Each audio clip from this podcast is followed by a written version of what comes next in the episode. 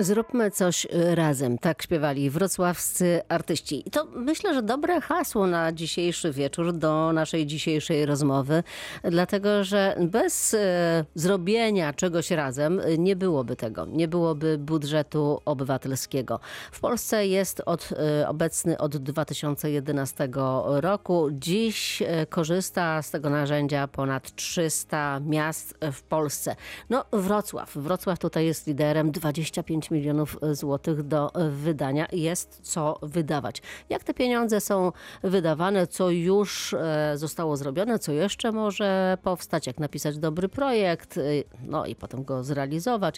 Pułapki, podpowiedzi, jak unikać błędów y, i najbardziej oryginalne pomysły mieszkańców. O tym będziemy rozmawiali z ekspertami, z gośćmi zaproszonymi do studia, ale oczywiście zapraszam także do rozmowy Państwa, bo przecież to Wasze głosy decydują o tym, co w mieście z tego budżetu powstaje. Nasz numer 71 339 90 60 do dyspozycji do godziny 21. A teraz już przedstawiam gości. Z nami jest pani Joanna Klima, Serce Szczepina, samo serce, liderka wielu projektów e, przez wiele lat. Dobry wieczór. Dobry wieczór, witam Państwa. I z nami także jest e, późno w pracy Sebastian Wolszczak e, z Urzędu Miejskiego w Wrocławiu. Dobry wieczór. Dobry wieczór. Potem jeszcze połączymy się z burmistrzem Jawora, e, panem Emilianem Berą, który opowie o tym, jak budżet wygląda w tym miasteczku. Ale najpierw zacznijmy od Wrocławia. Pani Joanno, młodo pani wygląda, ale pamięta pani pierwszy budżet we Wrocławiu?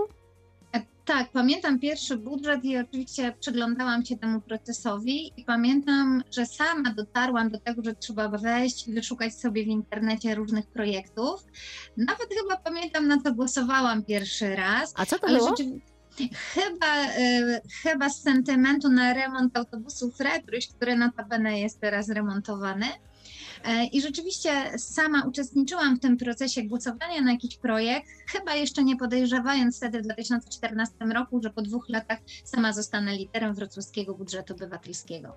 Panie Sebastianie, dziewiąta edycja w tej chwili e, budżetu oby- obywatelskiego. No, on się zmienił od takiego, e, pamiętam na początku, że tam na kartce ktoś pisał jakiś pomysł, zgłaszał do miasta. No teraz to już jest e, właściwie firma, instytucja. No to już jest bardzo, bardzo mocno określone, jak to należy robić. E, Jak pan pamięta ten pierwszy wrocławski budżet? Przyznam się, że w ogóle nie pamiętam, ponieważ wtedy nie pracowałem przy budżecie obywatelskim i szczerze mówiąc zacząłem się budżetem obywatelskim interesować dopiero jak zacząłem pracować w dziale partycypacji społecznej, który za ten budżet odpowiada. Y, Owszem, wiedziałem o budżecie obywatelskim, wiedziałem, że Jurek Michalak y, się tym zajmuje, wiedziałem, że Bartek Świerczewski go tworzy, y, to byli w końcu koledzy z pracy, natomiast nie byłem wtedy bezpośrednio zaangażowany w projekty budżetu obywatelskiego, natomiast teraz od trzech lat odpowiadam za jego realizację. No właśnie, to były tysiące ludzi, na początku tysiące, a teraz można powiedzieć, że to są dziesiątki tysięcy ludzi, którzy głosują na te e, projekty. E, Pamiętam, e, były nawet takie wojny właściwie międzyosiedlowe, kto zbierze więcej głosów. Pani Joanno, jak pani to wspomina? Tak, rzeczywiście był taki moment, kiedy były rejony we wrocławskim budżecie obywatelskim, walczyliśmy między osiedlami. E, Chcę powiedzieć, że rzeczywiście to była walka, ale taka walka dość mobilizująca, ponieważ zaw- zawsze efektem ubocznym tej walki e, było skupienie mieszkańców wokół siebie i wpłynięcie na ich aktywizację. E, Summa summarum, tacy mieszkańcy, którzy się z Tobą spotkali, poszli, tak jak Pani powiedziała, do walki, potem stawali się swoimi partnerami w działaniach na rzecz osiedla nie tylko z okazji wrocławskiego budżetu obywatelskiego, ale mieszkańcy zaczęli aktywnie myśleć o swoim osiedlu i myślę, że to rzeczywiście jest najważniejszy efekt uboczny wrocławskiego budżetu obywatelskiego i tej całej walki. Panie Sebastianie, jak pan tak sięgnie pamięcią, to może pan wymienić kilka takich e, najbardziej ważnych, istotnych e, projektów, które dzięki właśnie budżetowi obywatelskiemu się udało zrealizować? Tak, jest, jest kilka takich. Y, Na przykład ścieżki rowerowe.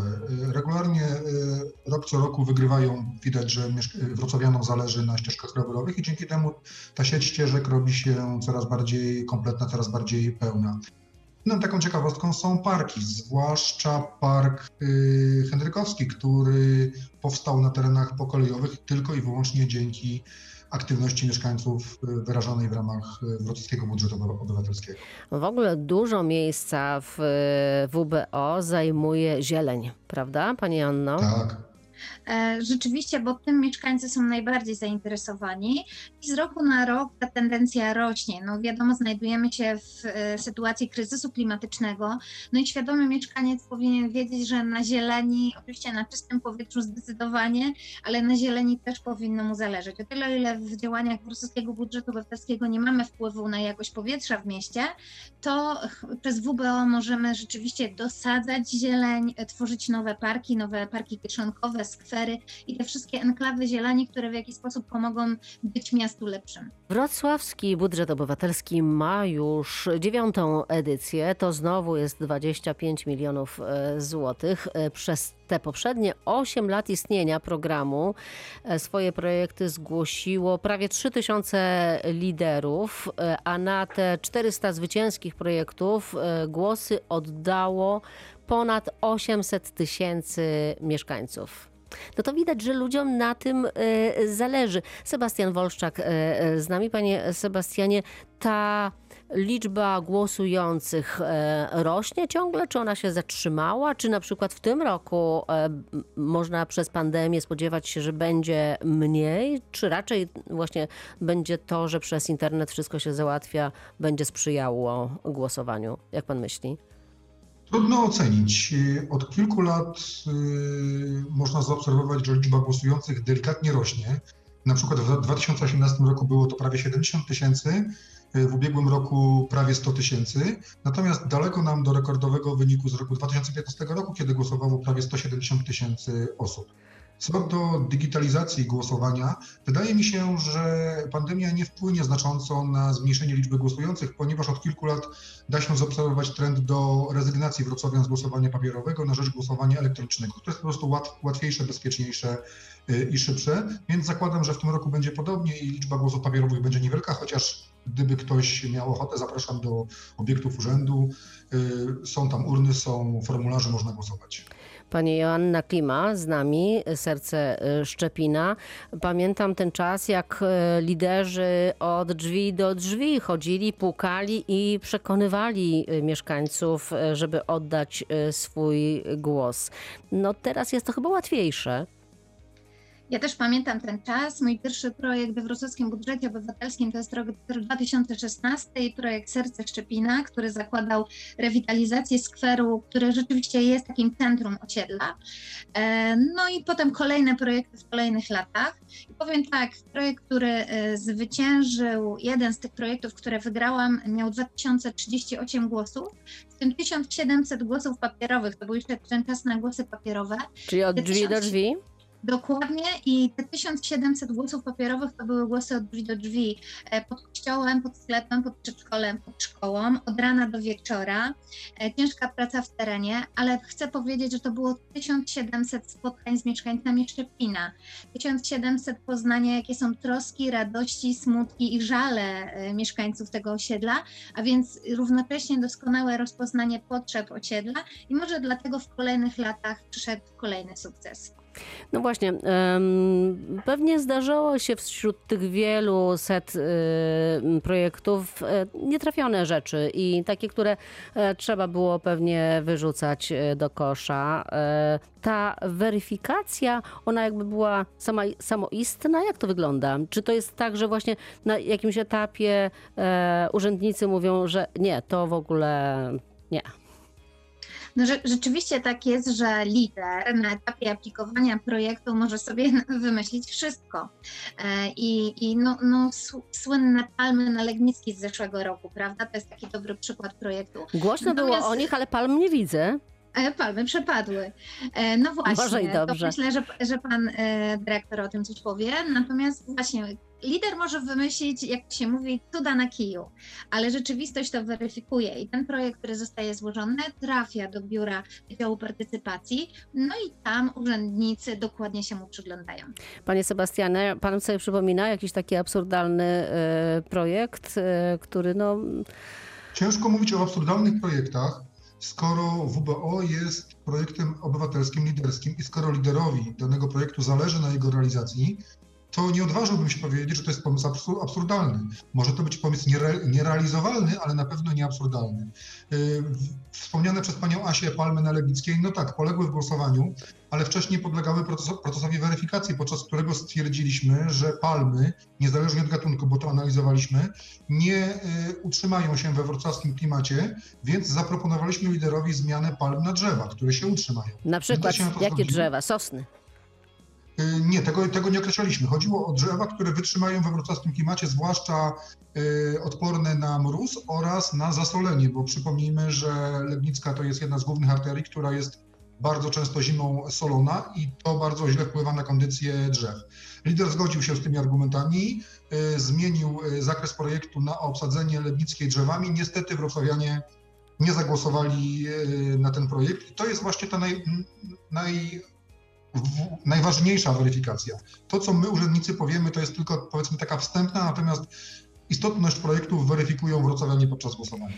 Jedna rzecz, o której chciałabym, żebyśmy chwilę porozmawiali, może e, pojawiają się takie opinie, że w budżecie obywatelskim s, część projektów to są takie projekty, które tak naprawdę powinny być realizowane e, przez miasto, a tak po prostu w takiej normalnej gospodarce e, codziennej, a że na budżet obywatelski powinno się zostawić te projekty takie, no właśnie, no właśnie, jakie? Bliższe ludziom?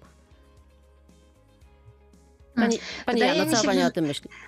E, To znaczy, to, to też się bardzo zmienia, bo na początku wrocławskiego budżetu obywatelskiego, jak przejrzymy historię projektów, to mamy tam te przysłowiowe dziury w chodniku, prawda? I ludzie zgłaszali takie projekty, sygnalizacja świetna, dziury, e, jakieś oświetlenie podwórek. Wiata natomiast- śmietnikowa. Dokładnie, natomiast w WBO to proces i on się wyspecjalizował dość mocno. E, dzisiaj po pierwsze Fundusz Osiedlowy zajmuje się takimi rzeczami, tym zajmują się Rady Osiedla i dobrze. No i wrocławski budżet obywatelski może zajmować się takimi wisienkami na torcie. Oczywiście mieszkańcy zgłaszają takie, takie projekty, ale znowu ta rzeczywistość osiedlowa potem je weryfikuje. Myślę, że sukcesem dobrego projektu jest przede wszystkim rozeznanie tego, co chcą mieszkańcy. Bo nawet jeżeli projekt będzie zakładał niesamowicie świetny, nie wiem, e, park, ale mieszkańcy nie mają potrzeby parku w danym miejscu, to niestety on może przepaść. Więc samo złożenie projektu nie daje jeszcze sukcesu.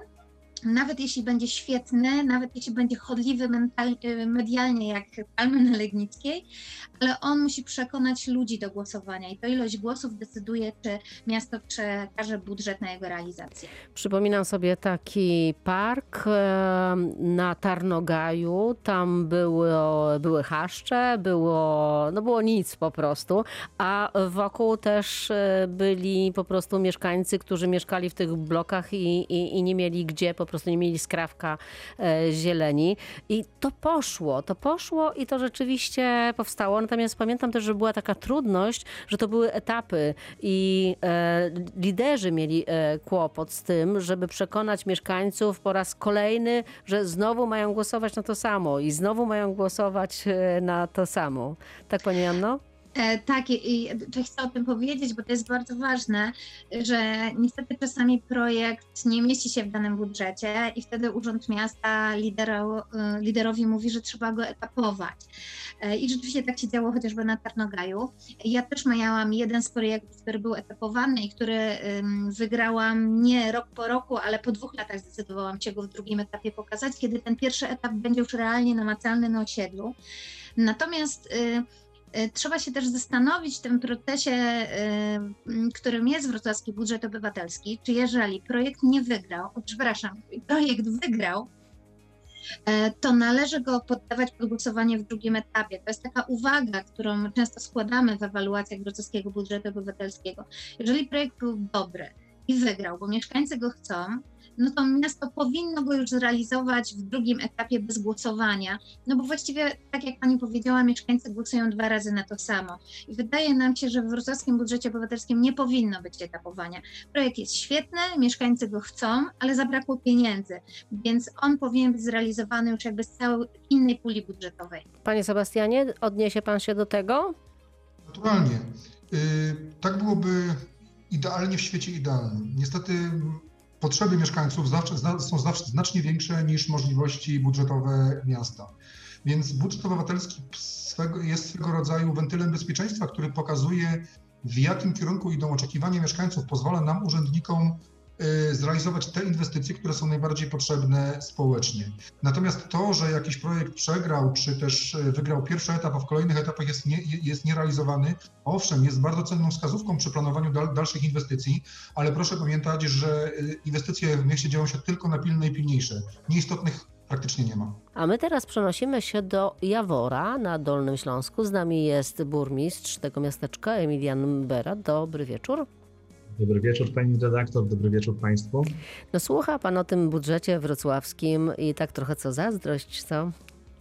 Pewno, że zazdrość, e, dlatego że e, to już faktycznie jest praktyka. Dziewiąty raz e, ja ten budżet będę organizował po raz drugi, zupełnie inne pieniądze, ale też no, świetne wizje samych mieszkańców i to naprawdę powoduje, że miasto pięknieje, z rzeczywistym uczestnictwem mieszkańców, a zawsze zależy każdemu gospodarzowi na tym, aby ta aktywność była bardzo duża i żeby też mieszkańcy brali sprawy w swoje ręce i odpowiedzialność w swoje ręce. To jaki macie budżet obywatelski? Budżet obywatelski w Jaworze jest dostosowany do naszych potrzeb i nie przekracza tych milionów, bo oscyluje powyżej 200 tysięcy złotych. E, który mamy e, przygotowany, ale tak naprawdę my dzisiaj skupiamy się na tym, aby sama e, procedura funkcjonowała w sposób niezakłócony. To znaczy, po pierwsze, aby sami mieszkańcy widzieli w tym swoją szansę. I tak po pierwszej edycji mamy bardzo dobre rezultaty, ponieważ mieszkańcy złożyli swoje wnioski a po drugie uczestniczyli w samym procesie głosowania. Więc to już jest duży sukces, bo Niekiedy w tych mniejszych miejscowościach budżety upadają, nie są realizowane i chcę powiedzieć, że znając e, właśnie sytuację trudną funkcjonowania budżetów obywatelskich, postawiliśmy z Wydziałem Edukacji i Oświaty nad to, aby ten budżet przede wszystkim funkcjonował i aby mieszkańcy chcieli w nim uczestniczyć. No właśnie, bardzo ważną e, sprawę Pan poruszył, bo ludziom musi się chcieć za tym chodzić, a to jest tak, że z tego no, taki lider nie ma pieniędzy, więc e, jak go do tego zachęcić? Ja muszę powiedzieć, że akurat e, jeśli chodzi o e, te projekty e, u nas w mieście, pierwsi liderzy pojawili się wokół stowarzyszeń, tutaj chociażby Stowarzyszenie Azyl, które właśnie skupiło się na tym, aby zmodernizować swój system ogrzewania, bo, bo mają siedzibę w Zamku Piastowskim, więc byli też seniorzy, którzy którzy skupili się z kolei na takiej sali e, terapii, gdzie, gdzie zakupili sprzęt do rehabilitacji. E, no i oczywiście zawsze dużo emocji e, budzi budżet wśród przedszkolaków, najmłodszych jaworzan. Natomiast myślę, że ta formuła jest o tyle Wśród przedszkolaków, to znaczy, że co? Przedszkolacy, przedszkolaki coś tam wymyślają i głosują? Tak, na przykład y, strefę y, odpoczynku y, i zabawy, jako dodatkowe takie miejsce rekreacji przy przedszkolu. Tam są już, tam jest konkretnie to, co oni już chcą, także sami sobie wybierają, sami sobie finansują. Myślę, że to jest takie bardzo fajne i edukacyjne. No i przede wszystkim chodzi o to, aby tych mieszkańców czy, czy sąsiadów wokół danej okolicy, gdzie, gdzie projekt ma funkcjonować, inwestować, no to żeby zaczęli ze sobą współpracować, żeby się skrzyknęli e, i żeby działali wspólnie. Też później być może liczę na to, że powstanie taki efekt lawiny, e, troszeczkę rywalizacji i wrośnie ten budżet obywatelski po prostu na stałe w krajobraz miasta. Z nami cały czas jest pan Sebastian Wolszczak z Urzędu Miejskiego we Wrocławiu. Panie dyrektorze, co pan by mógł podpowiedzieć koledze z y, Jawora, czego Wrocław się nauczył przez te lata robienia budżetu, czego nie robić, jakich błędów unikać? Pan burmistrz powiedział, że zazdrości Wrocławiowi, a ja powiem, że zazdroszczę panu burmistrzowi. U nas to już dziewiąta edycja, rutyna. Wszyscy się sprofesjonalizowali, zarówno liderzy, jak i miasto. A pan jest teraz w okresie burzy i naporu, romantyzmu. Yy, Mówi się idei. nawet o tym, że taki ten jaworski budżet taki dziewiczy. Właśnie. Nie ośmieliłem się użyć tego terminu na antenie radia, ale skoro pani redaktor to powiedziała, to powtórzę. Y, To jest y, świetny, świetny pomysł, panie burmistrzu, na aktywowanie społeczeństwa, na stworzenie ram społeczeństwa obywatelskiego w ramach no, niewielkiej w sumie społeczności. Macie tą przewagę pewnie, że większość mieszkańców zna się osobiście, 20 parę tysięcy mieszkańców to nie jest pół, pół, Wrocław. Dzięki temu te więzi społeczne są większe i można je za pomocą budżetu obywatelskiego pielęgnować. Co bym radził? Aby urzędnicy, aby pan, panie burmistrzu, rozmawiali z mieszkańcami, żeby tak y, kroić budżet, y, nie chodzi mi o środki, tylko o zasady, jak mieszkańcy lokalnie, y, biorąc pod uwagę lokalne doświadczenia, sobie życzą, żeby nie oktrojować budżetu, żeby nie narzucać go z góry, tylko tworzyć go oddolnie. To jeszcze pani Joanna Klima. E, Jak e, wspomniałam właśnie, no, dużo roboty, mało pieniędzy z tego, zysków niewiele. E, Jak przekonać ludzi do tego, żeby chcieli, żeby im się chciało przy tym chodzić? Pani się chciało. Mi się chciało, ale lider to zazwyczaj jest społecznik z krwi i kości, który od podstawówki był przewodniczącym klasy i, i to po prostu jest taki typ człowieka.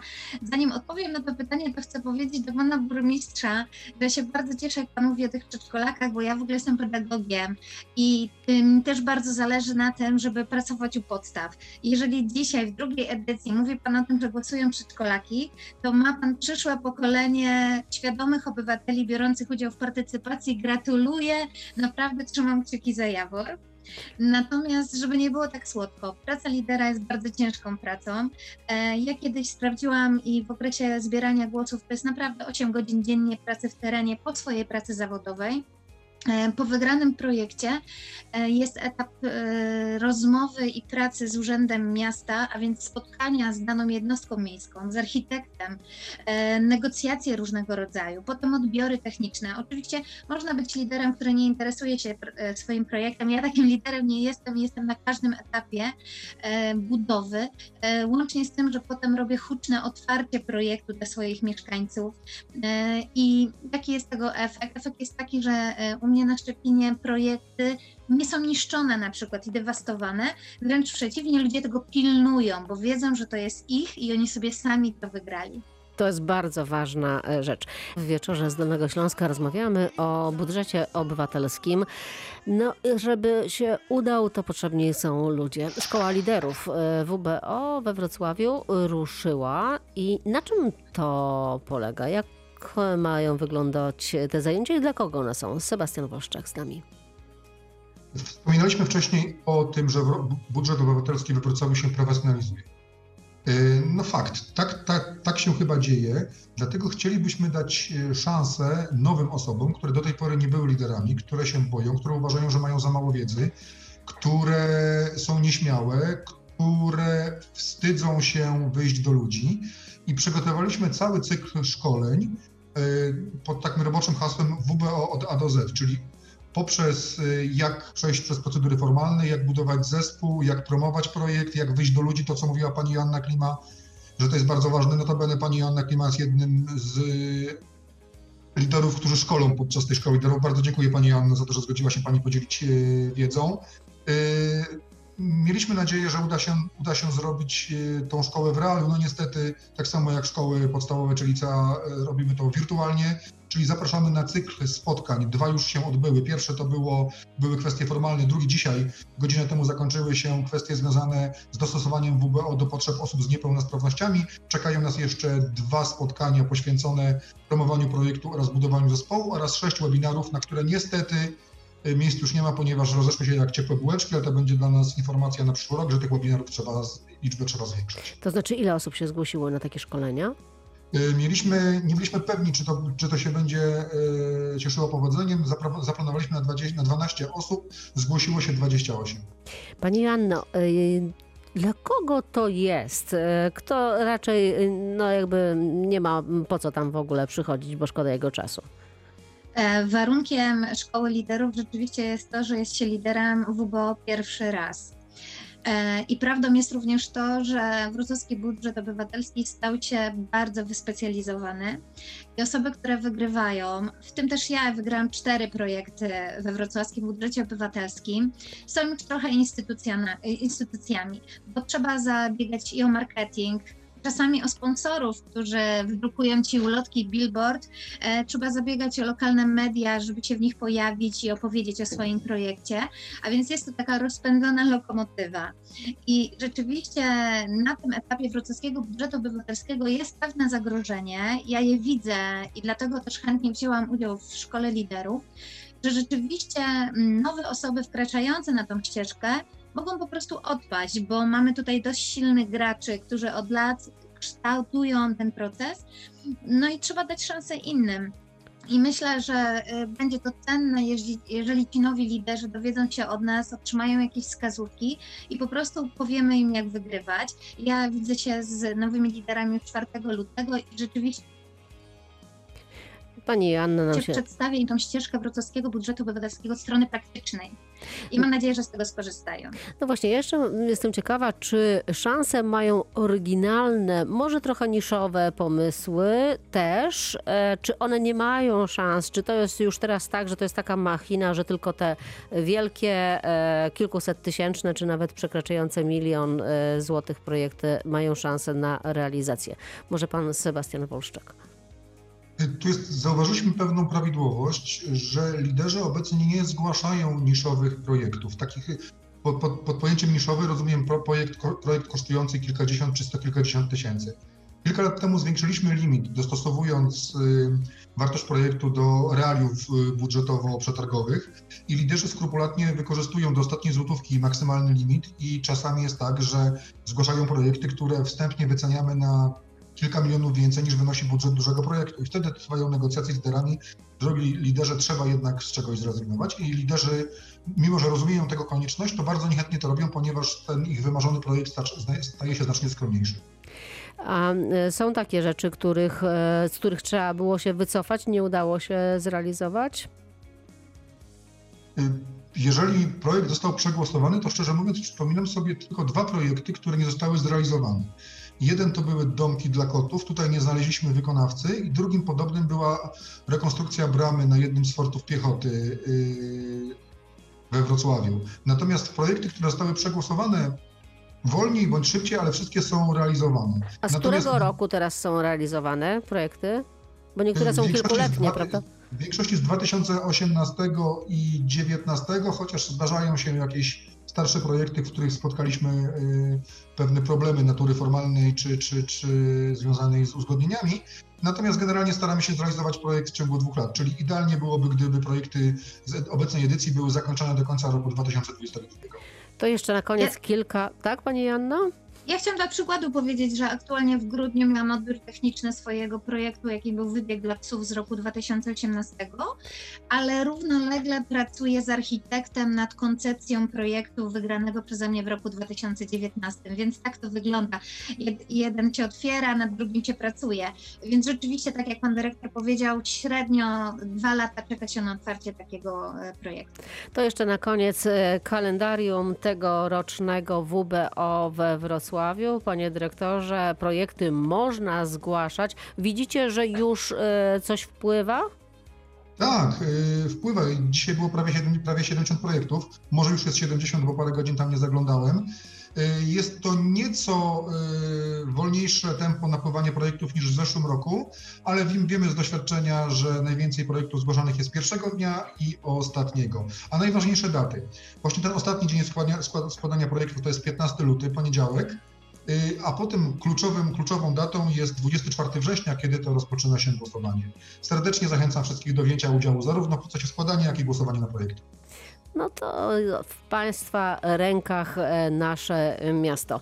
Budżet obywatelski 25 milionów złotych e, do wzięcia. Od nas wszystkich e, będzie zależało, co tym razem uda się zrobić. Najmocniej dziękuję za udział w dzisiejszej audycji. Naszymi gośćmi byli dzisiaj pani Joanna Klima, Serce Szczepina. Bardzo dziękuję pani Janno. Dziękuję. I Sebastian Wolszczak e, z Urzędu Miejskiego e, we Wrocławiu. Dziękuję bardzo, panie dyrektorze. Dziękuję ślicznie. Dobrego wieczoru życzę. Elżbieta Osowicz. Ja już dziękuję Państwu za wspólny wieczór. Do usłyszenia.